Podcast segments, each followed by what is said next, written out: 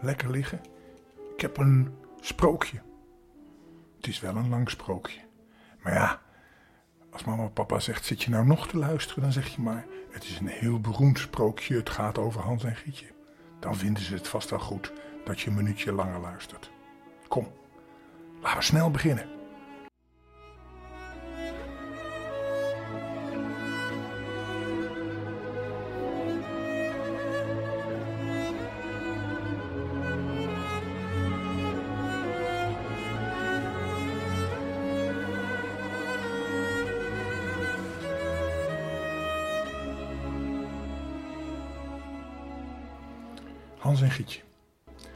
Aan de rand van een groot bos woonde eens een arme houthakker met zijn vrouw en twee kinderen. En het jongetje heette Hans en het meisje heette Grietje. Ze hadden maar heel weinig te eten en eens toen alles erg duur werd in het land, konden ze ook niet meer aan brood komen. Toen de houthakker daar s'avonds in bed over lag te tobben en vol zorgen lag te woelen, zei hij tegen zijn vrouw. Wat moet er nou van ons worden? Nou kunnen onze kinderen e-, niet eens te eten geven. En we hebben zelf ook niets meer. Weet je wat, man, antwoordde de vrouw, we zullen bij het eerste morgenlicht de kinderen wegbrengen. Heel diep het bos in en dan maken we daar een flink vuur en we geven hun ieder nog een stuk brood. En dan gaan wij aan het werk en dan laten we ze alleen. Ze vinden dan de, huis, de weg naar huis niet meer terug en dan zijn wij ze kwijt. Nou, vrouw, maar dat kan ik niet doen. Dat kan ik toch niet over mijn hart verkrijgen. Mijn kinderen. Mijn kinderen alleen laten in het bos. Er zouden immers wilde dieren komen en ze verscheuren. Dwaze man, zei zijn vrouw. Moeten we dan alle vier van de honger sterven? Ga dan maar pas vast planken voor een kist schaven. En ze liet hem niet met rust, tot hij toegaf. Maar het spijt me toch zo van die arme kinderen voor ons. De twee kinderen hadden zo'n honger dat ze niet konden slapen. En ze hadden alles gehoord wat hun stiefmoeder tegen vader gezegd had. Grietje weende bittere tranen en zei tegen Hans: Nu is het met ons gedaan. Stil, Grietje, zei Hans. Wees maar niet bang. We vinden er vast wel op wat. En toen de ouders waren ingeslapen, stond hij op, deed hij zijn jas aan en maakte de onderdeur open en sloop naar buiten. De maan scheen helder en de witte kiezels voor het huis schenen blank. Hans bukte zich en stak er zoveel mogelijk in zijn broekzak. Als er maar in konden. En toen ging hij het huis weer in. En hij zei tegen Grietje: Wees maar stil, lief zusje. Slaap rustig in. Onze lieve Heer zal ons niet verlaten. En hij ging ook weer naar bed. Bij het eerste schemerlicht, nog voor de zon was opgegaan, kwam de vrouw de beide kinderen roepen. Sta toch op, luilakker. We moeten het bos in om hout te halen. En, hij gaf ze elk, en ze gaf ze elk een stuk brood en zei: Hier, dan heb je iets voor de middag. Maar niet eerder opeten hoor, want dit is alles wat je krijgt. Gietje nam het brood onder haar schotje, omdat Hans zijn zakken vol stenen had. Toen gingen ze alle vier naar het bos. Toen ze een eind op weg waren, stond Hansje stil en keek om naar het huis. En deed dat nog eens en toen nog eens. En de vader zei: Hans, wat kijk je toch elke keer om? En je blijft aldoor achter. Opletten en vergeet je benen niet. Och, vader, zei Hans. Ik kijk om naar de witte poesjes. Kijk, die zit op het dak. En hij wil me vaarwel zeggen. De stiefmoeder zei: Dwaas, dat is jouw kat niet. Dat is de ochtendzon op de schoorsteen. Maar Hans had helemaal niet naar het katje gekeken, maar had al door kleine kiezelsteentjes uit zijn zak op de weg gegooid. Ze kwamen nu midden in het bos en de vader zei: Nu moeten jullie hout sprokkelen, kinderen. Ik wil een vuur maken, zodat jullie het niet koud hebben. Hans en Gietje droegen rijshout bijeen, een hele berg. Het rijshout werd aangestoken en toen de vlammen goed hoog brandden, zei de vrouw: Gaan jullie nu maar bij het vuur liggen, kinderen, en rust lekker uit. Wij gaan het bos in om hout te kappen. Als we klaar zijn, komen we terug en dan halen we jullie mee. Hans en Gietje zaten bij het vuur. En toen het smiddag was geworden, aten ze allebei een stukje brood. En omdat ze bijlslagen hoorden, geloofden ze ook nog dat hun vader in de buurt was. Maar dat was niet een bijl, het was de tak die hij aan een dorre boom had gebonden en die in de wind voortdurend klepperde.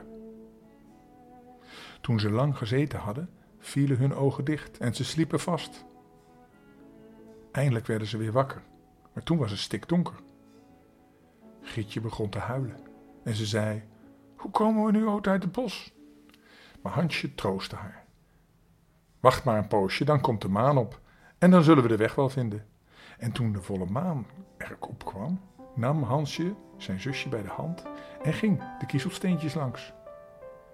Die schitterden als nieuwe muntjes en wezen hem de weg.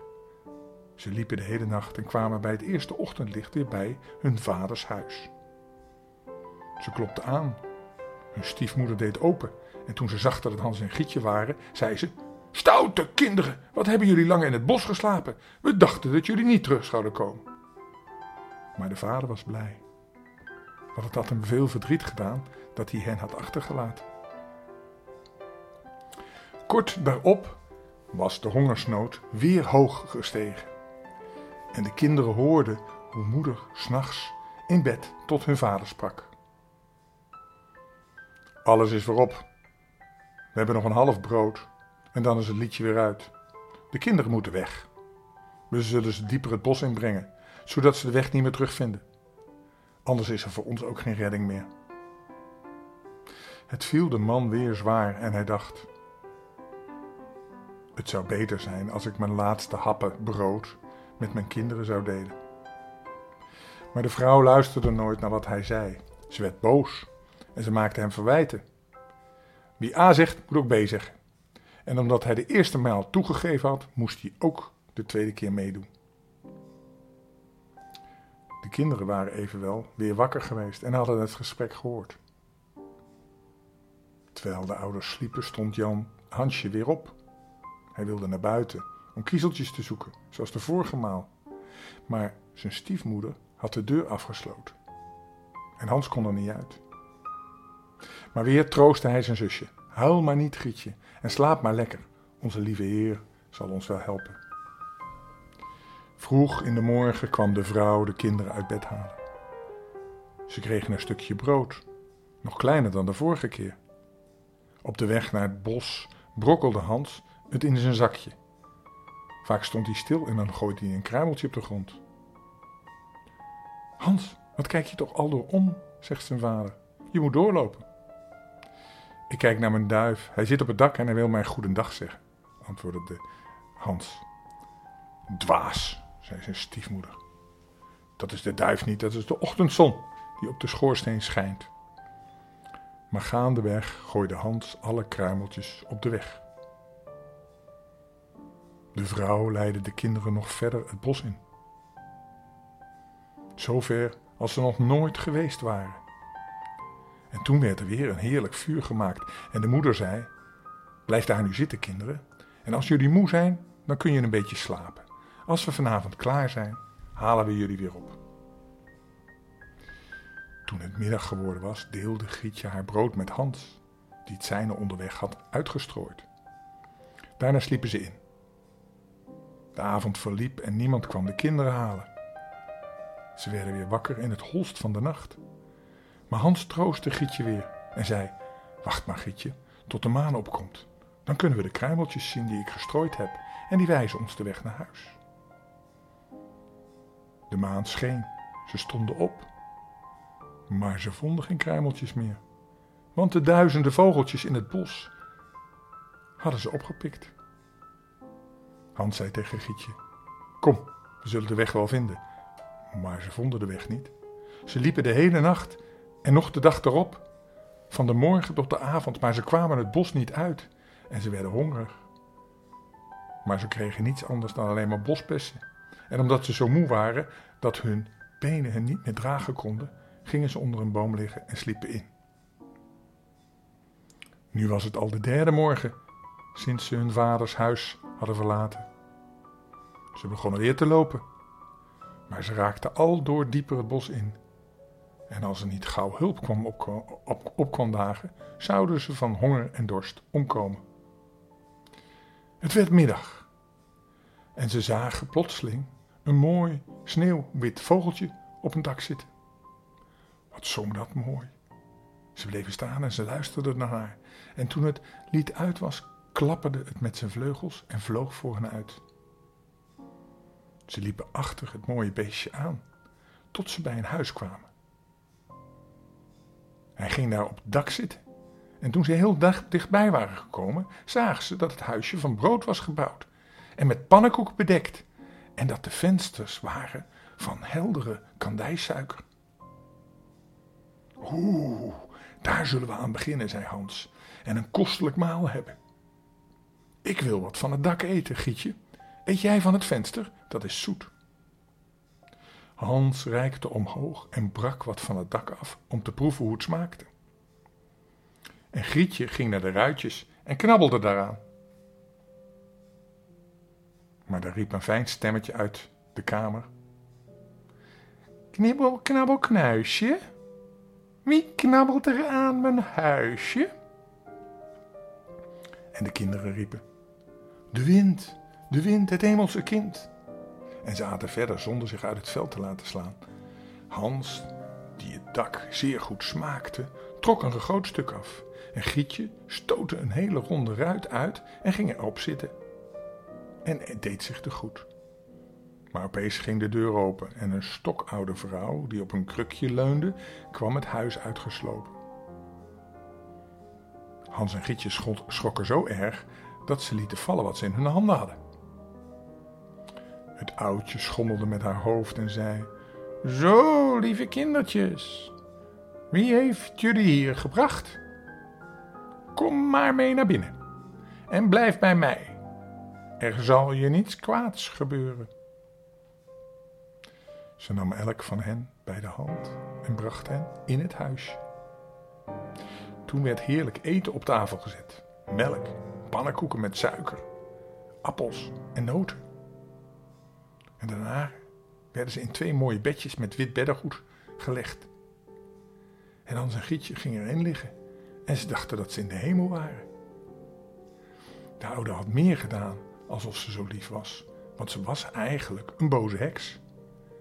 Die loerde op de kinderen en ze had het broodhuisje alleen maar gebouwd om kinderen te lokken. En wanneer ze een kind in haar macht had, maakte ze het dood, braadde het en at het op. En dat was een feestdag voor haar.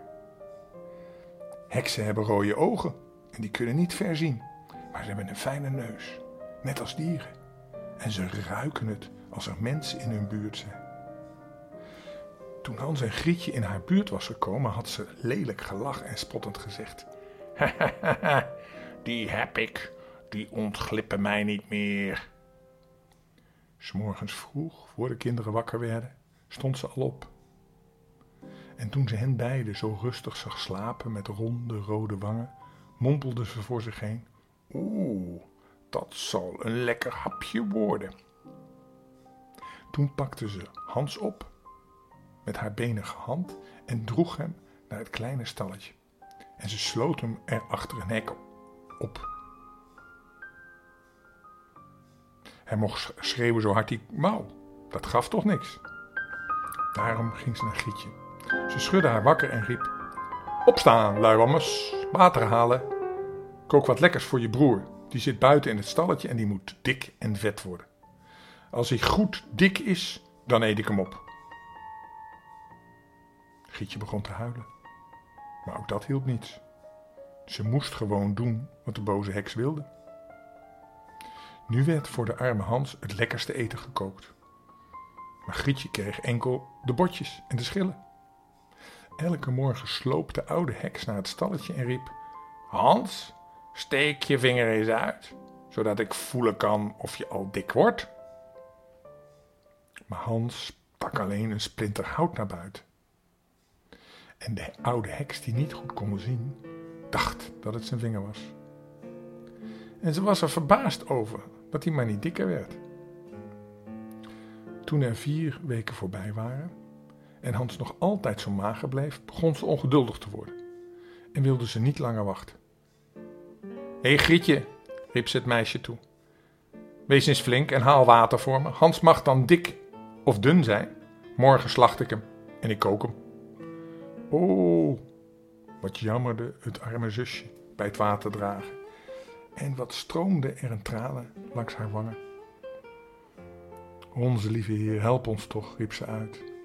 Hadden de wilde beesten ons maar in het bos opgegeten, dan waren we in ieder geval samen doodgegaan. Spaar je tranen maar, zei de oude heks. Het helpt toch niet. S'morgens moest Gietje vroeg op. Ze moest vuur maken en een ketel met water erboven hangen. Eerst zullen we bakken, zei de oude vrouw. Ik heb de bakoven al gestookt en het deeg al gekneed. Ze duwde het arme Grietje naar buiten naar het bakhuis waar de vlammen al uitsloegen. Kruip erin, zei de heks, en kijk of het goed heet is.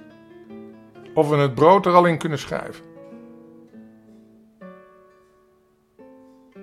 En toen Grietje erin moest, wilde ze de oven dicht doen en een Grietje inbraden, want haar wilde ze ook opeten. Maar Grietje begreep wat ze van plan was en zei: Ik weet niet hoe ik dat moet doen hoor. Hoe kom ik daarin? Domme gans, zei de heks. De opening is groot genoeg. Zie je wel? Ik zou er zelf al in kunnen. En ze krabbelde eraan en stak haar hoofd in de bakoven. Toen Grietje dat zag, gaf ze haar een dikke stoot tegen haar billen, zodat ze er zelf in viel.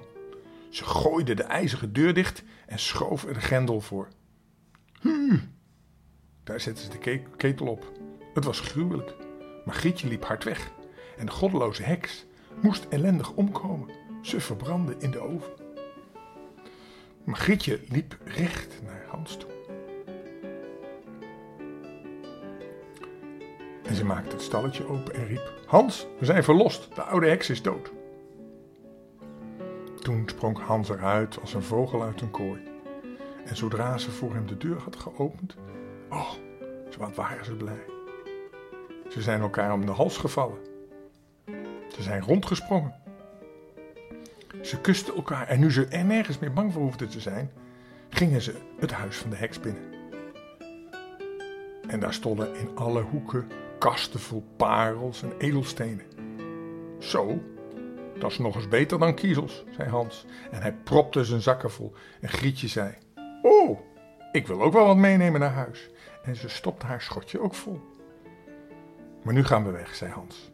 Want ik wil uit het heksenbos weg. Toen ze een paar uur gelopen hadden, kwamen ze bij een groot meer. Daar kunnen we niet over, zei Hans. Ik zie geen weg en ik zie geen brug. Er is ook geen bootje, zei Grietje. Maar daar zwemt een witte eend. Als ik het die vraag, brengt hij ons wel naar de overkant. En ze riep: Eentje, eentje, hier zijn Hans en Grietje. Er is geen weg en ook geen bruggetje. Neem ons op je witte ruggetje. Het eentje kwam aangezwommen. Hans ging op haar zitten. En vroeg zijn zusje erbij te gaan zitten. Nee, antwoordde Grietje, dat is te zwaar voor de eend. Hij moet ons na elkaar overbrengen. En dat deed het goede dier. En toen ze gelukkig over waren en een poosje voortliepen, kwam hun het bos steeds bekender voor. En eindelijk zagen ze in de verte hun vaders huisje liggen. Toen zetten ze het op een lopen en ze stortten de kamer binnen en vielen hun vader om de hals. De man had geen gelukkig ogenblik meer gehad sinds hij zijn kinderen in het bos had achtergelaten. Maar de stiefmoeder was gestorven. Gietje schudde haar schotje uit, zodat de parels en de edelstenen in de kamer rolden. En Hans wierp de ene handvol na de andere erbij. En toen was er een eind aan alle zorgen en leefden ze vol blijdschap samen, nog lang en gelukkig. Nou, en nou is mijn sprookje, sprookje uit. Die muis is gruit. Wie die vangt mag er een hele grote pelsmuts van maken. Zo, zo beëindigden ze vroeger altijd een sprookje. Of zeiden ze soms ook wel: Zo, en nu is het uit. En de olifant blaast het verhaaltje uit. Nou, we gaan maar lekker slapen, toch? Wel rusten, hè? Tot morgen. Ik hou van je hoor. Dag lieverd. Dag.